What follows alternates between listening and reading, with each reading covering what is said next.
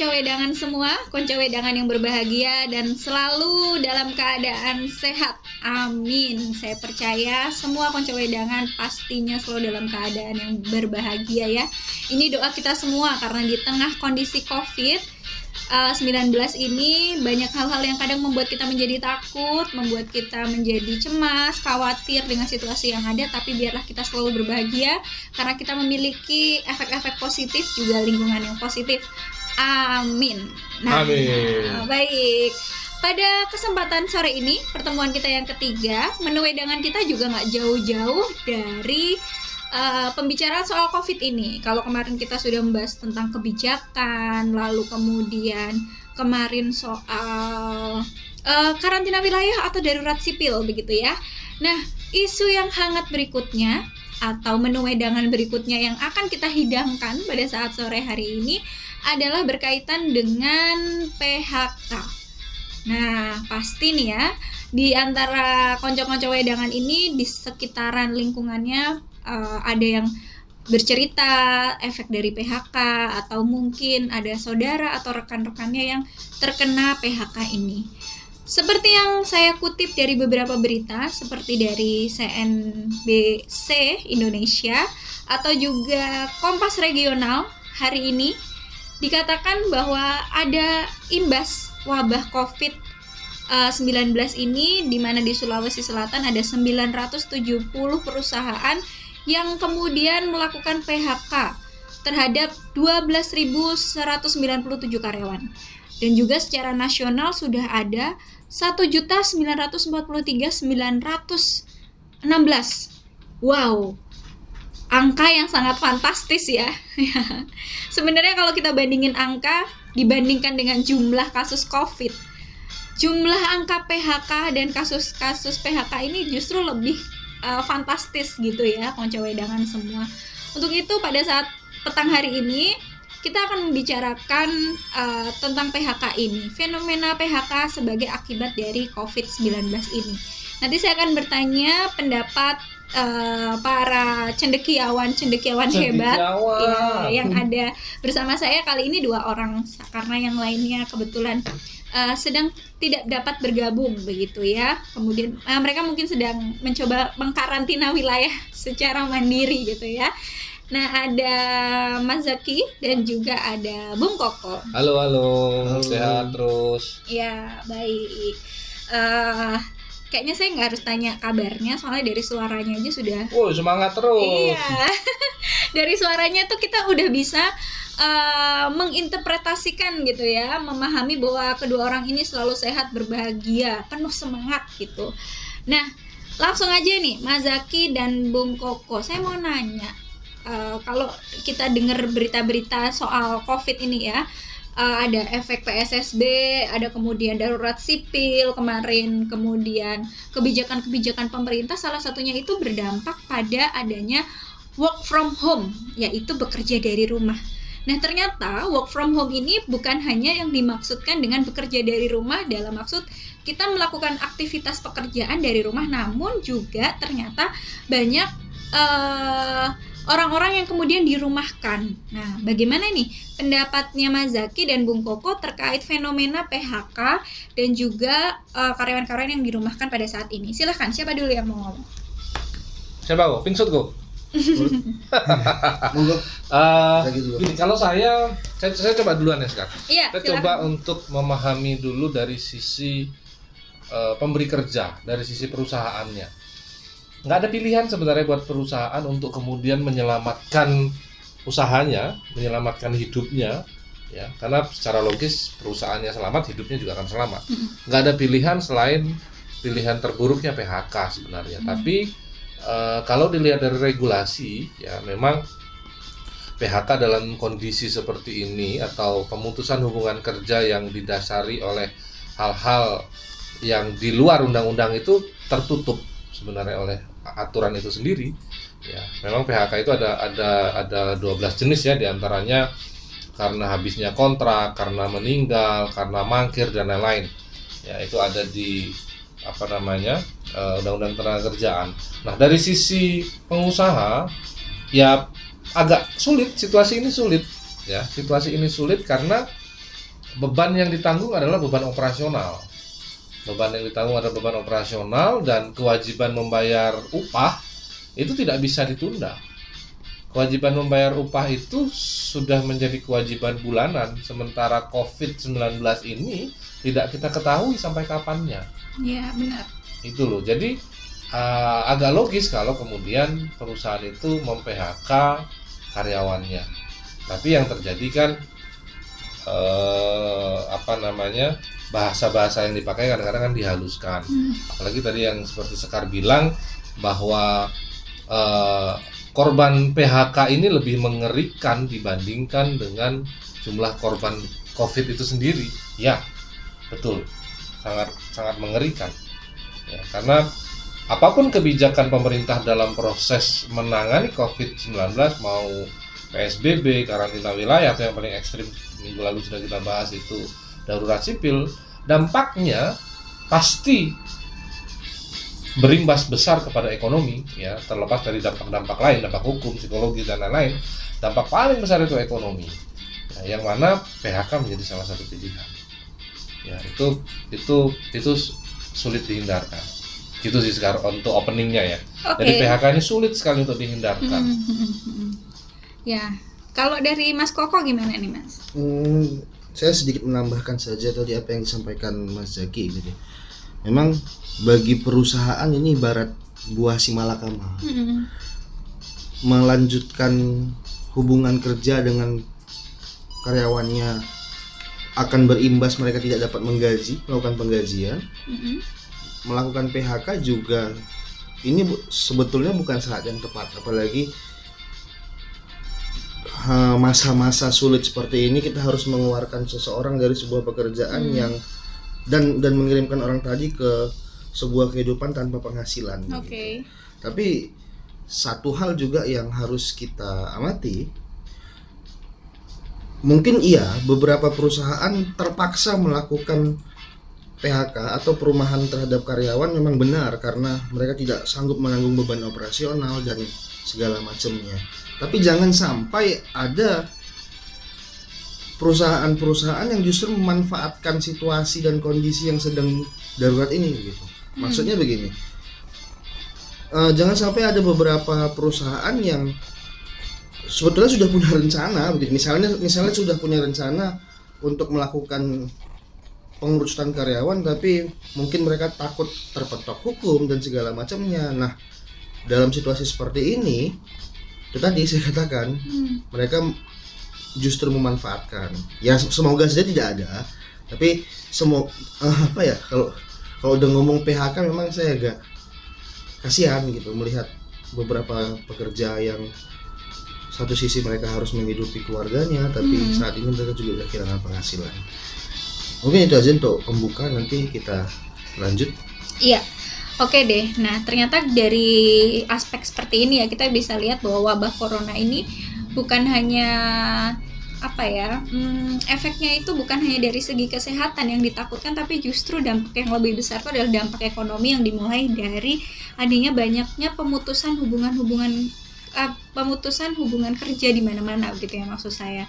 Nah kemudian dari sektor ekonomi ini kemudian mengancam sektor ketenaga kerjaan. Nah pasti ya Mas Zaki sama Bang Koko ini udah sering banget baca berita-berita yang berkaitan dengan PHK ini ya pastinya. Nah, kemudian di sini saya tuh sering banget mendengar ada istilah dirumahkan gitu. Nah kira-kira kalau menurut pendapat Mas Zaki dan Mas Koko ini dirumahkan dan di PHK ini sama apa enggak sih? Eh, gini ya sekarang Hmm. Eh, memang kadang-kadang kalau kita sekolah dulu kan kita dengar law is a tool of eh, social, of en- engineering. engineering. Ya. Ya, ya memang pinterannya orang-orang hukum eh, dalam hal ini saya katakan legal perusahaan itu ya bahasa yang paling pas untuk kemudian membuat eh, buah si malakama ini tidak menjadi liar adalah ya merumahkan karyawan. Hmm. Ya, merumahkan karyawan itu sebenarnya bahasa bahasa apa ya bahasa yang dipakai untuk kemudian agar tidak kena jeratan uh, hukum gitu ya. Karena merumahkan ini tidak dikenal dalam konteks kamus hukum ketenagakerjaan kita dalam hal ini undang-undang nomor 3 13 2003 itu ya. Nggak ada soal merumahkan bagaimana hak dan kewajibannya bagaimana eh, haknya karyawan dan lain-lain yang ada adalah itu soal kesepakatan Hmm. Nah, kalau kesepakatan memang diatur dalam Undang-Undang 13 2003 itu dalam ketenaga kerjaan ada. Kalau kamu misalnya mau dirumahkan apa kesepakatannya atau mau di PHK apa kesepakatannya itu ada. Tapi kalau merumahkan sendiri nggak dikenal. Dan ini ya secara halus sebenarnya PHK. PHK sementara untuk mengurangi beban perusahaan yang kita nggak bisa hindarin deh. Kita nggak bisa juga mempersalahkan perusahaan. Cuman yang tadi disampaikan Koko, jangan sampai momentum ini dipakai perusahaan untuk kemudian melakukan efisiensi. Makanya ketika klausula kesepakatan yang dipakai adalah merumahkan, maka harus ada jaminan yang jelas ketika pandemi ini selesai, para pekerja yang dirumahkan itu harus bisa bisa kembali lagi. Hmm. Jangan sampai malah nanti mereka seleksi lagi kontraknya dari nol lagi. Wah, itu bahaya. Iya. Oke, kalau dari Bang Koko gimana? Sejauh ini saya masih sependapat. Maksudnya sependapat dengan apa yang disampaikan Mas Zaki gitu. Eh, perumahan ini memang hanya sebagai kamuflase kalau menurut saya hanya sebagai kamuflase untuk agar perusahaan tidak diserang gitu. tidak Hmm. diserang baik itu mungkin secara hukum atau secara psikis oleh masyarakat gitu tapi satu hal yang harus kita cermati begini COVID-19 pasca presiden kita mengumumkan adanya positif di Hmm. Indonesia bayangin dalam satu bulan kurang lebih satu bulan itu perusahaan sudah langsung mengambil keputusan mem-PHK atau merumahkan karyawan Hmm. sebuah hal yang mungkin bisa menjadi tanda tanya gitu. mungkin kalau untuk pertanyaan-pertanyaan seperti ini para ekonom bisa menjawab saya saya coba mengutip salah satu berita CNBC Indonesia Hmm. di situ Beni Sutrisno selaku ketua gabungan perusahaan eksportir Indonesia Hmm. eh, sedikit mempertanyakan karena menurut dia secara umum pengusaha harusnya memiliki cash flow sampai cash flow sampai tiga bulan Hmm. maksimal tiga bulan Iya benar. sementara ini masih bulan berapa ini masih bulan April Hmm. dan presiden kita saat itu mengumumkan di awal Maret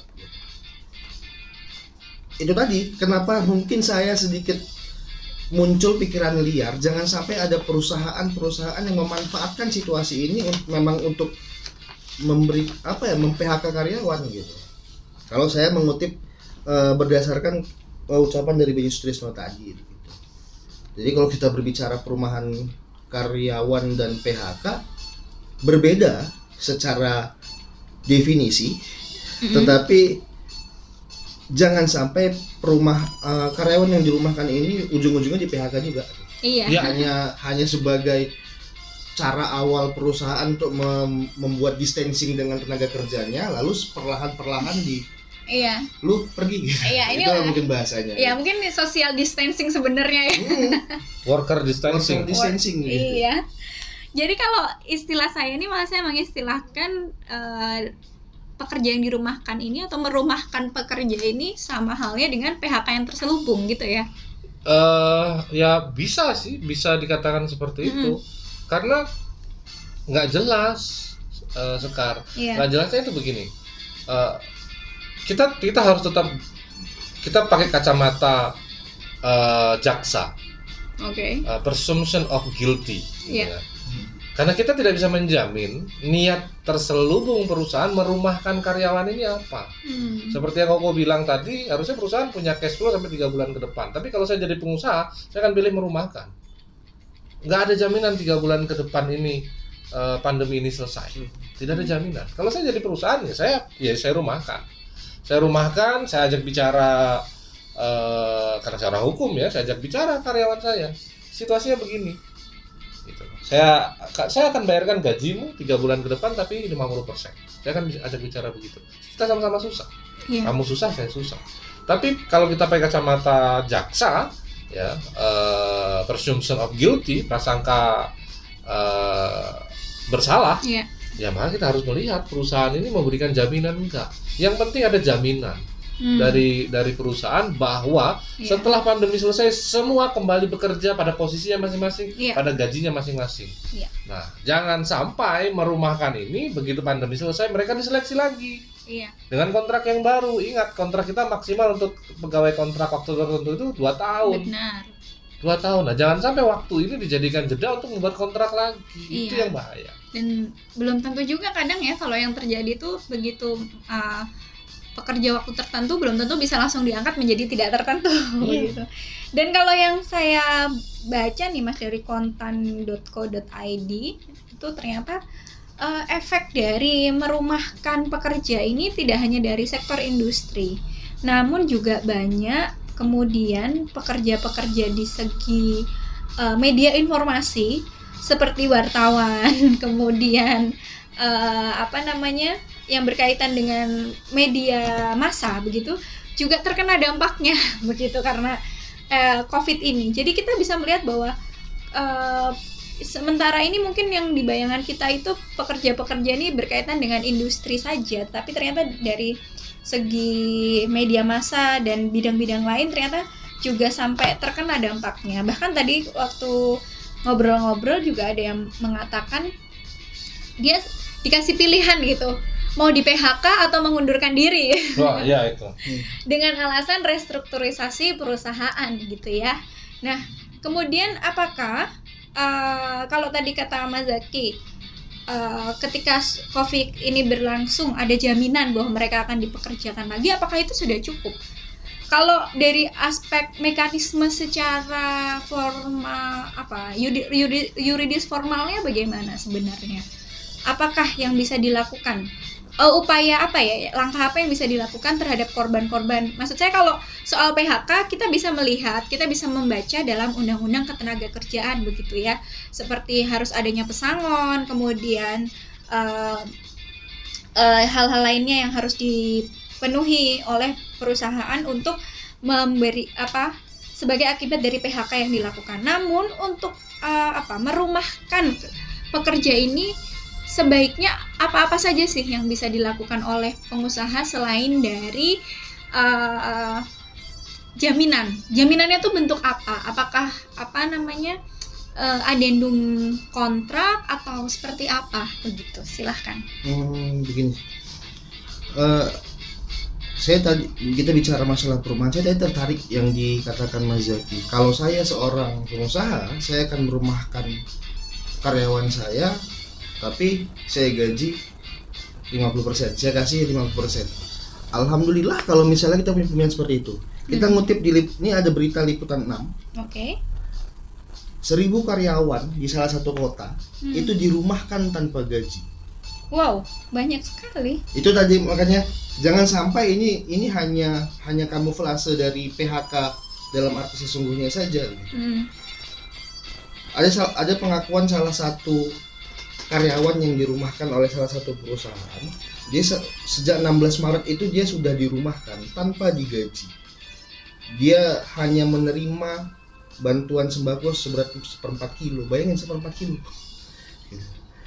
Dan dia belum tahu hmm, ke depannya bakal dipekerjakan lagi atau tidak. Nah, artinya, artinya si perusahaan ini merumahkan karyawannya tanpa kepastian.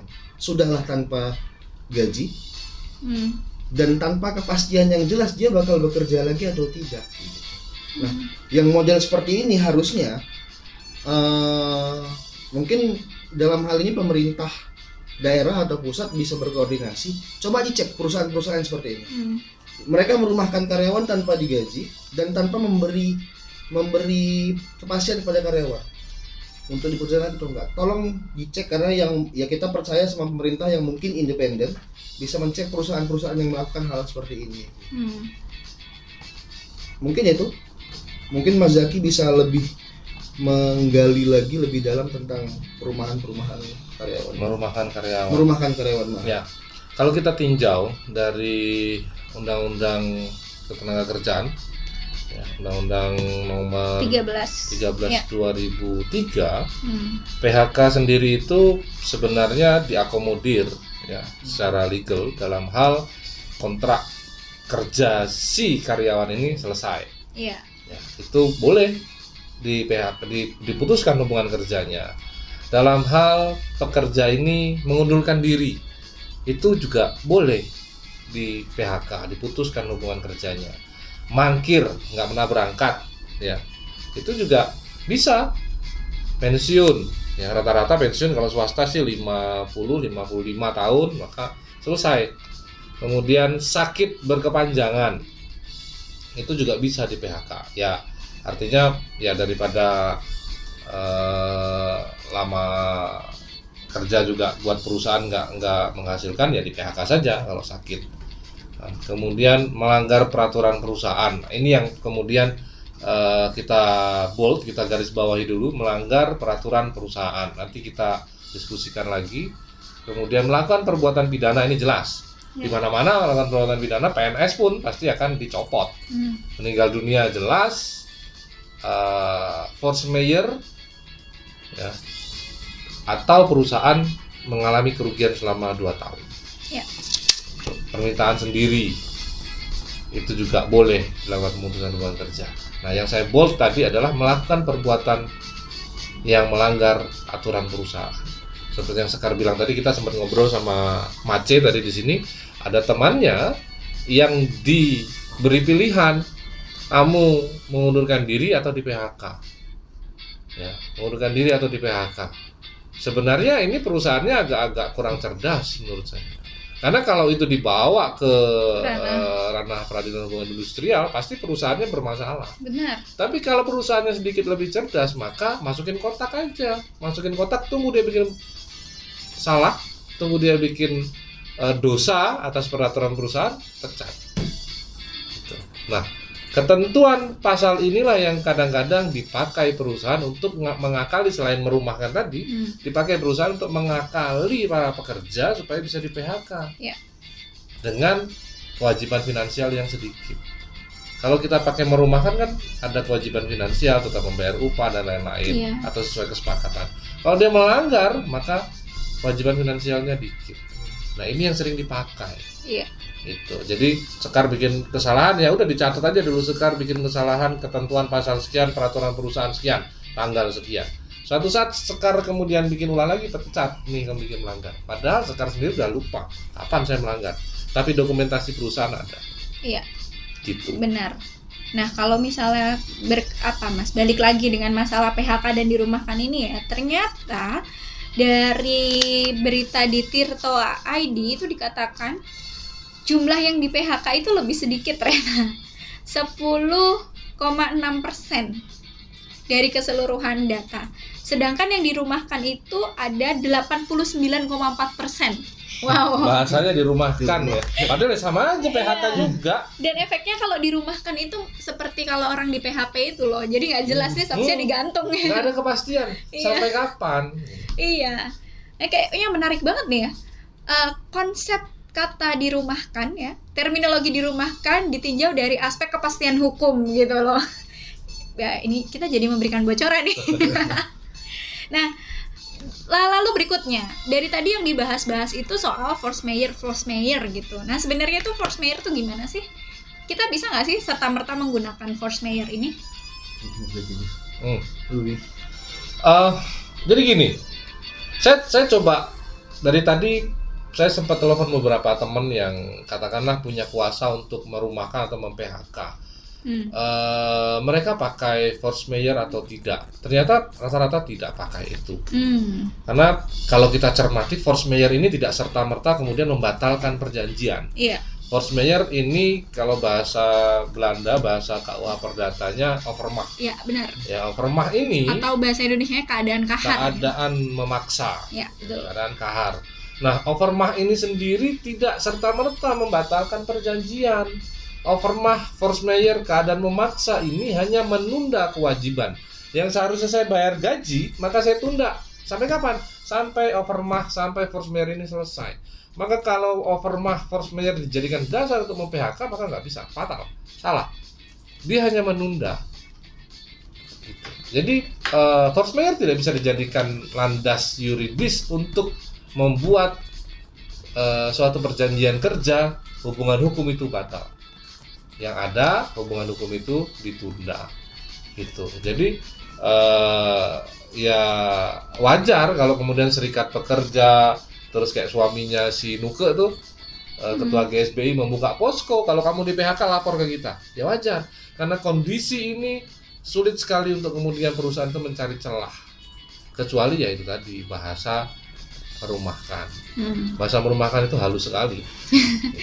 Ya tadi ya mas, kita bisa bikin sebenarnya tulisan kayak gitu ya. Hmm. Eh, Ciptanya tapi di sambil wedangan loh. ya Bang Koko gimana? Bang Koko setuju nggak penggunaan force mayor ini sebenarnya gimana? apa ya pendalaman tentang force mayor dalam arti mem-PHK para karyawan juga harusnya perusahaan lebih memahami begitu jangan jangan hanya kata force mayor overmah keadaan mendesak dan segala macamnya lalu mereka beranggapan mereka memiliki hak untuk memutuskan hubungan gitu. Iya. apalagi eh, kalau boleh pakai bahasa yang sedikit awamnya menyelamatkan diri dengan kata merumahkan karyawan dengan alasan force mayor. Nggak bisa sih kalau kalau menurut saya apalagi jangankan PHK yang yang memang jelas diatur dalam undang-undang tenaga kerja apalagi kita membahasakan me- merumahkan karyawan dengan alasan force mayor. Masih. Belum bisa ya belum bisa. Nah, kalau menurut uh, Mas Koko sama Mas Zaki nih, Bang Koko dan Bang Zaki, kira-kira upaya apa yang bisa dilakukan oleh pekerja uh, dalam kondisi dirumahkan dan kalau di PHK kita tahu ya, tapi kalau Mhm. untuk dirumahkan apa kira-kira? Ada nggak saran-saran secara hukum yang bisa dilakukan?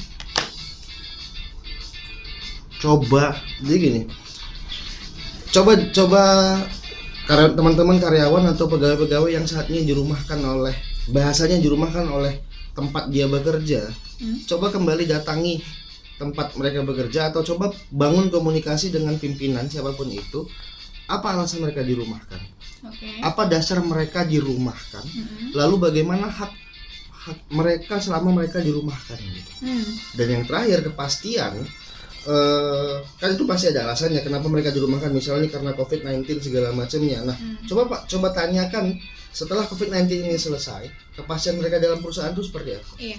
Jangan mengambang kayak tadi tadi kita bilang ya ini masih bingung nih kah kayak hidup segan mati juga nggak mau gitu. Iya. Mungkin itu kalau saya. Oke, kalau Mas Zaki gimana Mas Zaki?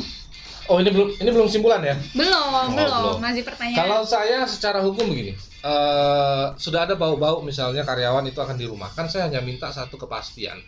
Eh, kalau soal misalnya saya karyawan ya, ada bau-bau, oh mau dirumahkan nih, ya oke lah, saya akan mencoba memahami situasi ini adalah situasi yang sulit juga untuk perusahaan. Situasi ini adalah sulit juga buat saya sebagai pekerja.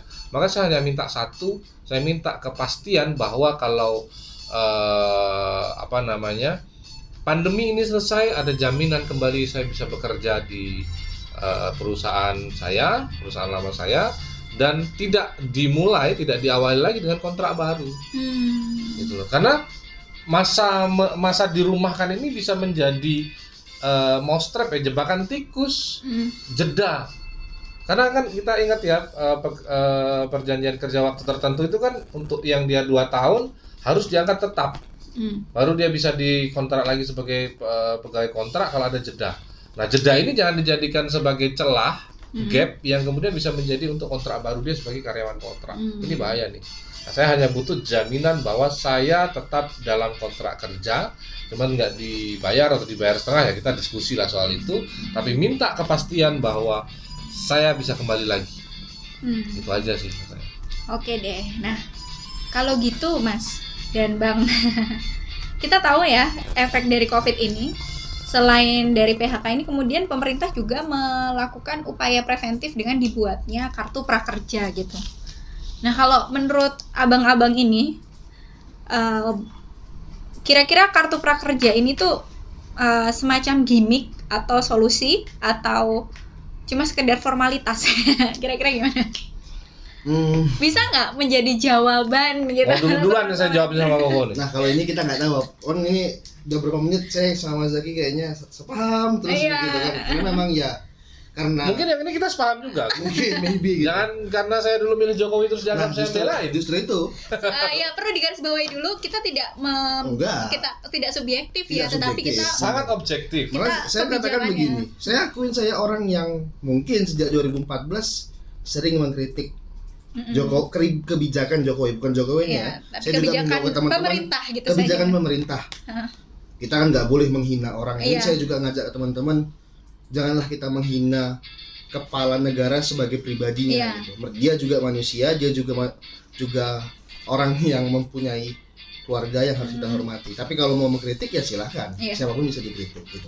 Kembali ke permasalahan prakerja misalnya, saya orang yang suka mengkritik, tapi Hmm. ketika Jokowi beberapa saat yang lalu, beberapa bulan yang lalu itu mewacanakan adanya kartu atau kita prakerja. sebut saja uh, Pemerintah- presiden kita presiden gitu ya. kita gitu. Mhm. Pak Jokowi presiden kita itu Mm-mm. mewacanakan adanya Mhm. eh, kartu prakerja. Iya. Saya sepakat.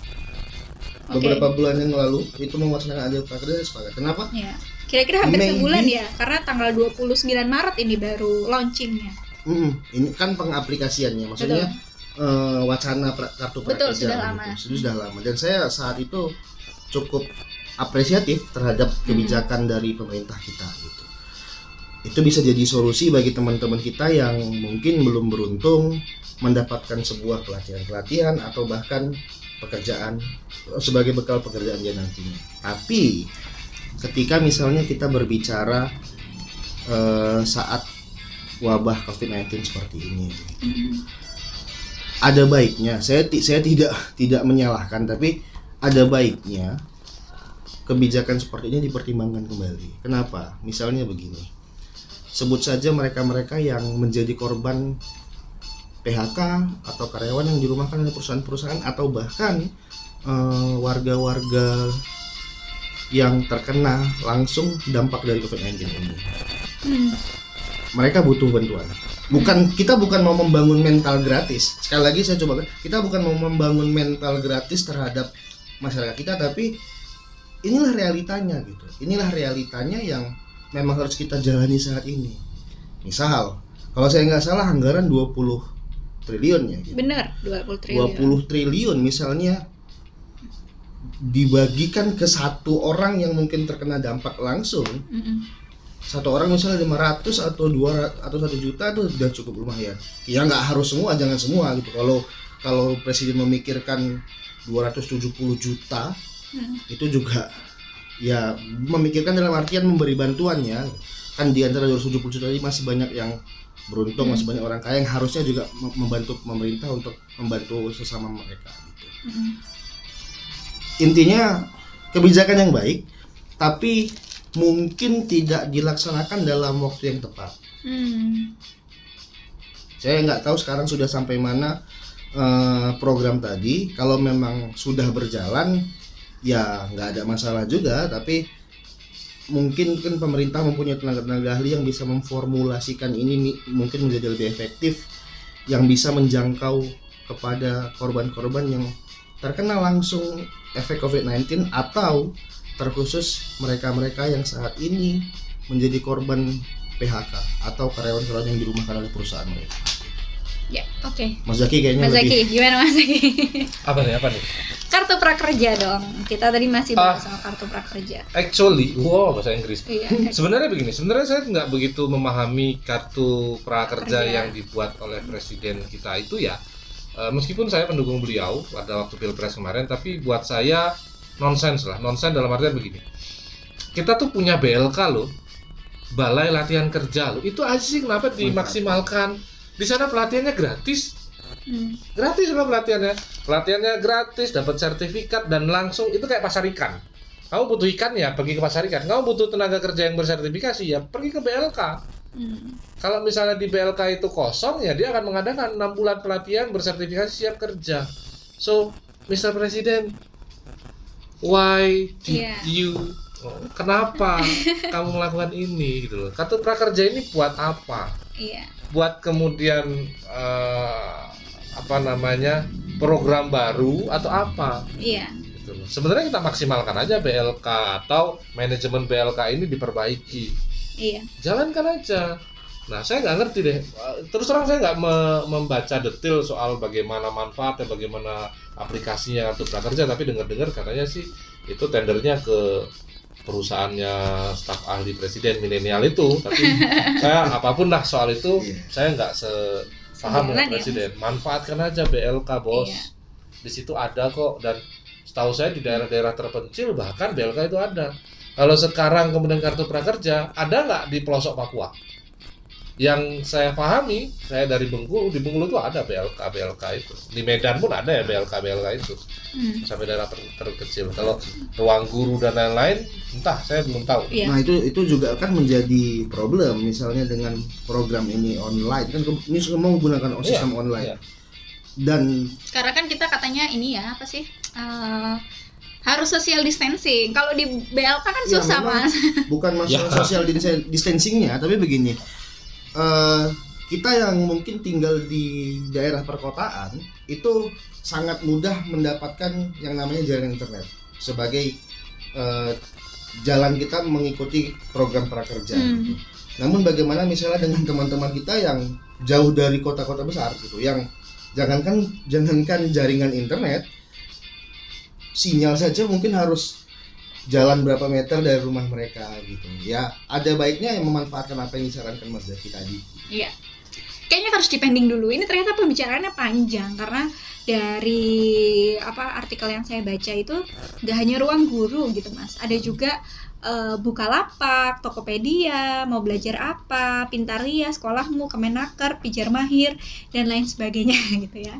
Dan ada satu em, statement yang dikatakan bahwa eh, adanya kartu prakerja ini juga syarat akan adanya nepotisme gitu. Tapi ini saya kasih ini aja sih semacam eh, apa ya statement buat kita supaya besok kita akan melihat di menu wedangan berikutnya itu seperti apa mungkin kartu prakerja karena kalau kita membahas sampai ke kartu prakerjanya itu menjadi agak panjang. Wajar. Namun yang perlu eh, akan saya simpulkan bahwa menurut Mas Zaki dan Bang Koko berarti kartu prakerja ini belum menjadi solusi ya? No, belum, enggak, saya bilang belum.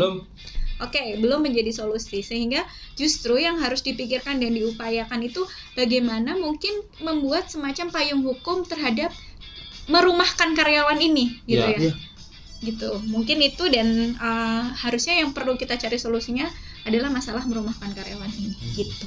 Ya, mungkin uh, segitu dulu ya perjumpaan kita melalui menu wedangan kali ini agak gantung sih karena kalau kita membahas soal tenaga kerja itu sangat sangat luas dan panjang seperti luasnya negara kita Indonesia gitu. Dan banyak aspek banyak bidang yang bisa kita bahas. Nah ini baru menu wedangan secara umum. Mungkin ini belum sampai ke main course-nya gitu ya. Ini baru baru menu wedangan menu pembuka gitu. Belum sampai ke dessert dan lain-lain sebagainya. Tapi biarlah uh, menu wedangan kali ini bisa menyegarkan kembali uh, pemikiran kita mengenai COVID-19 ini. Tetap stay healthy, stay safe, dan uh, terus tetap semangat konco wedangan semua. Sampai bertemu di sambil wedangan dalam menu-menu berikutnya. Dah. Dadah.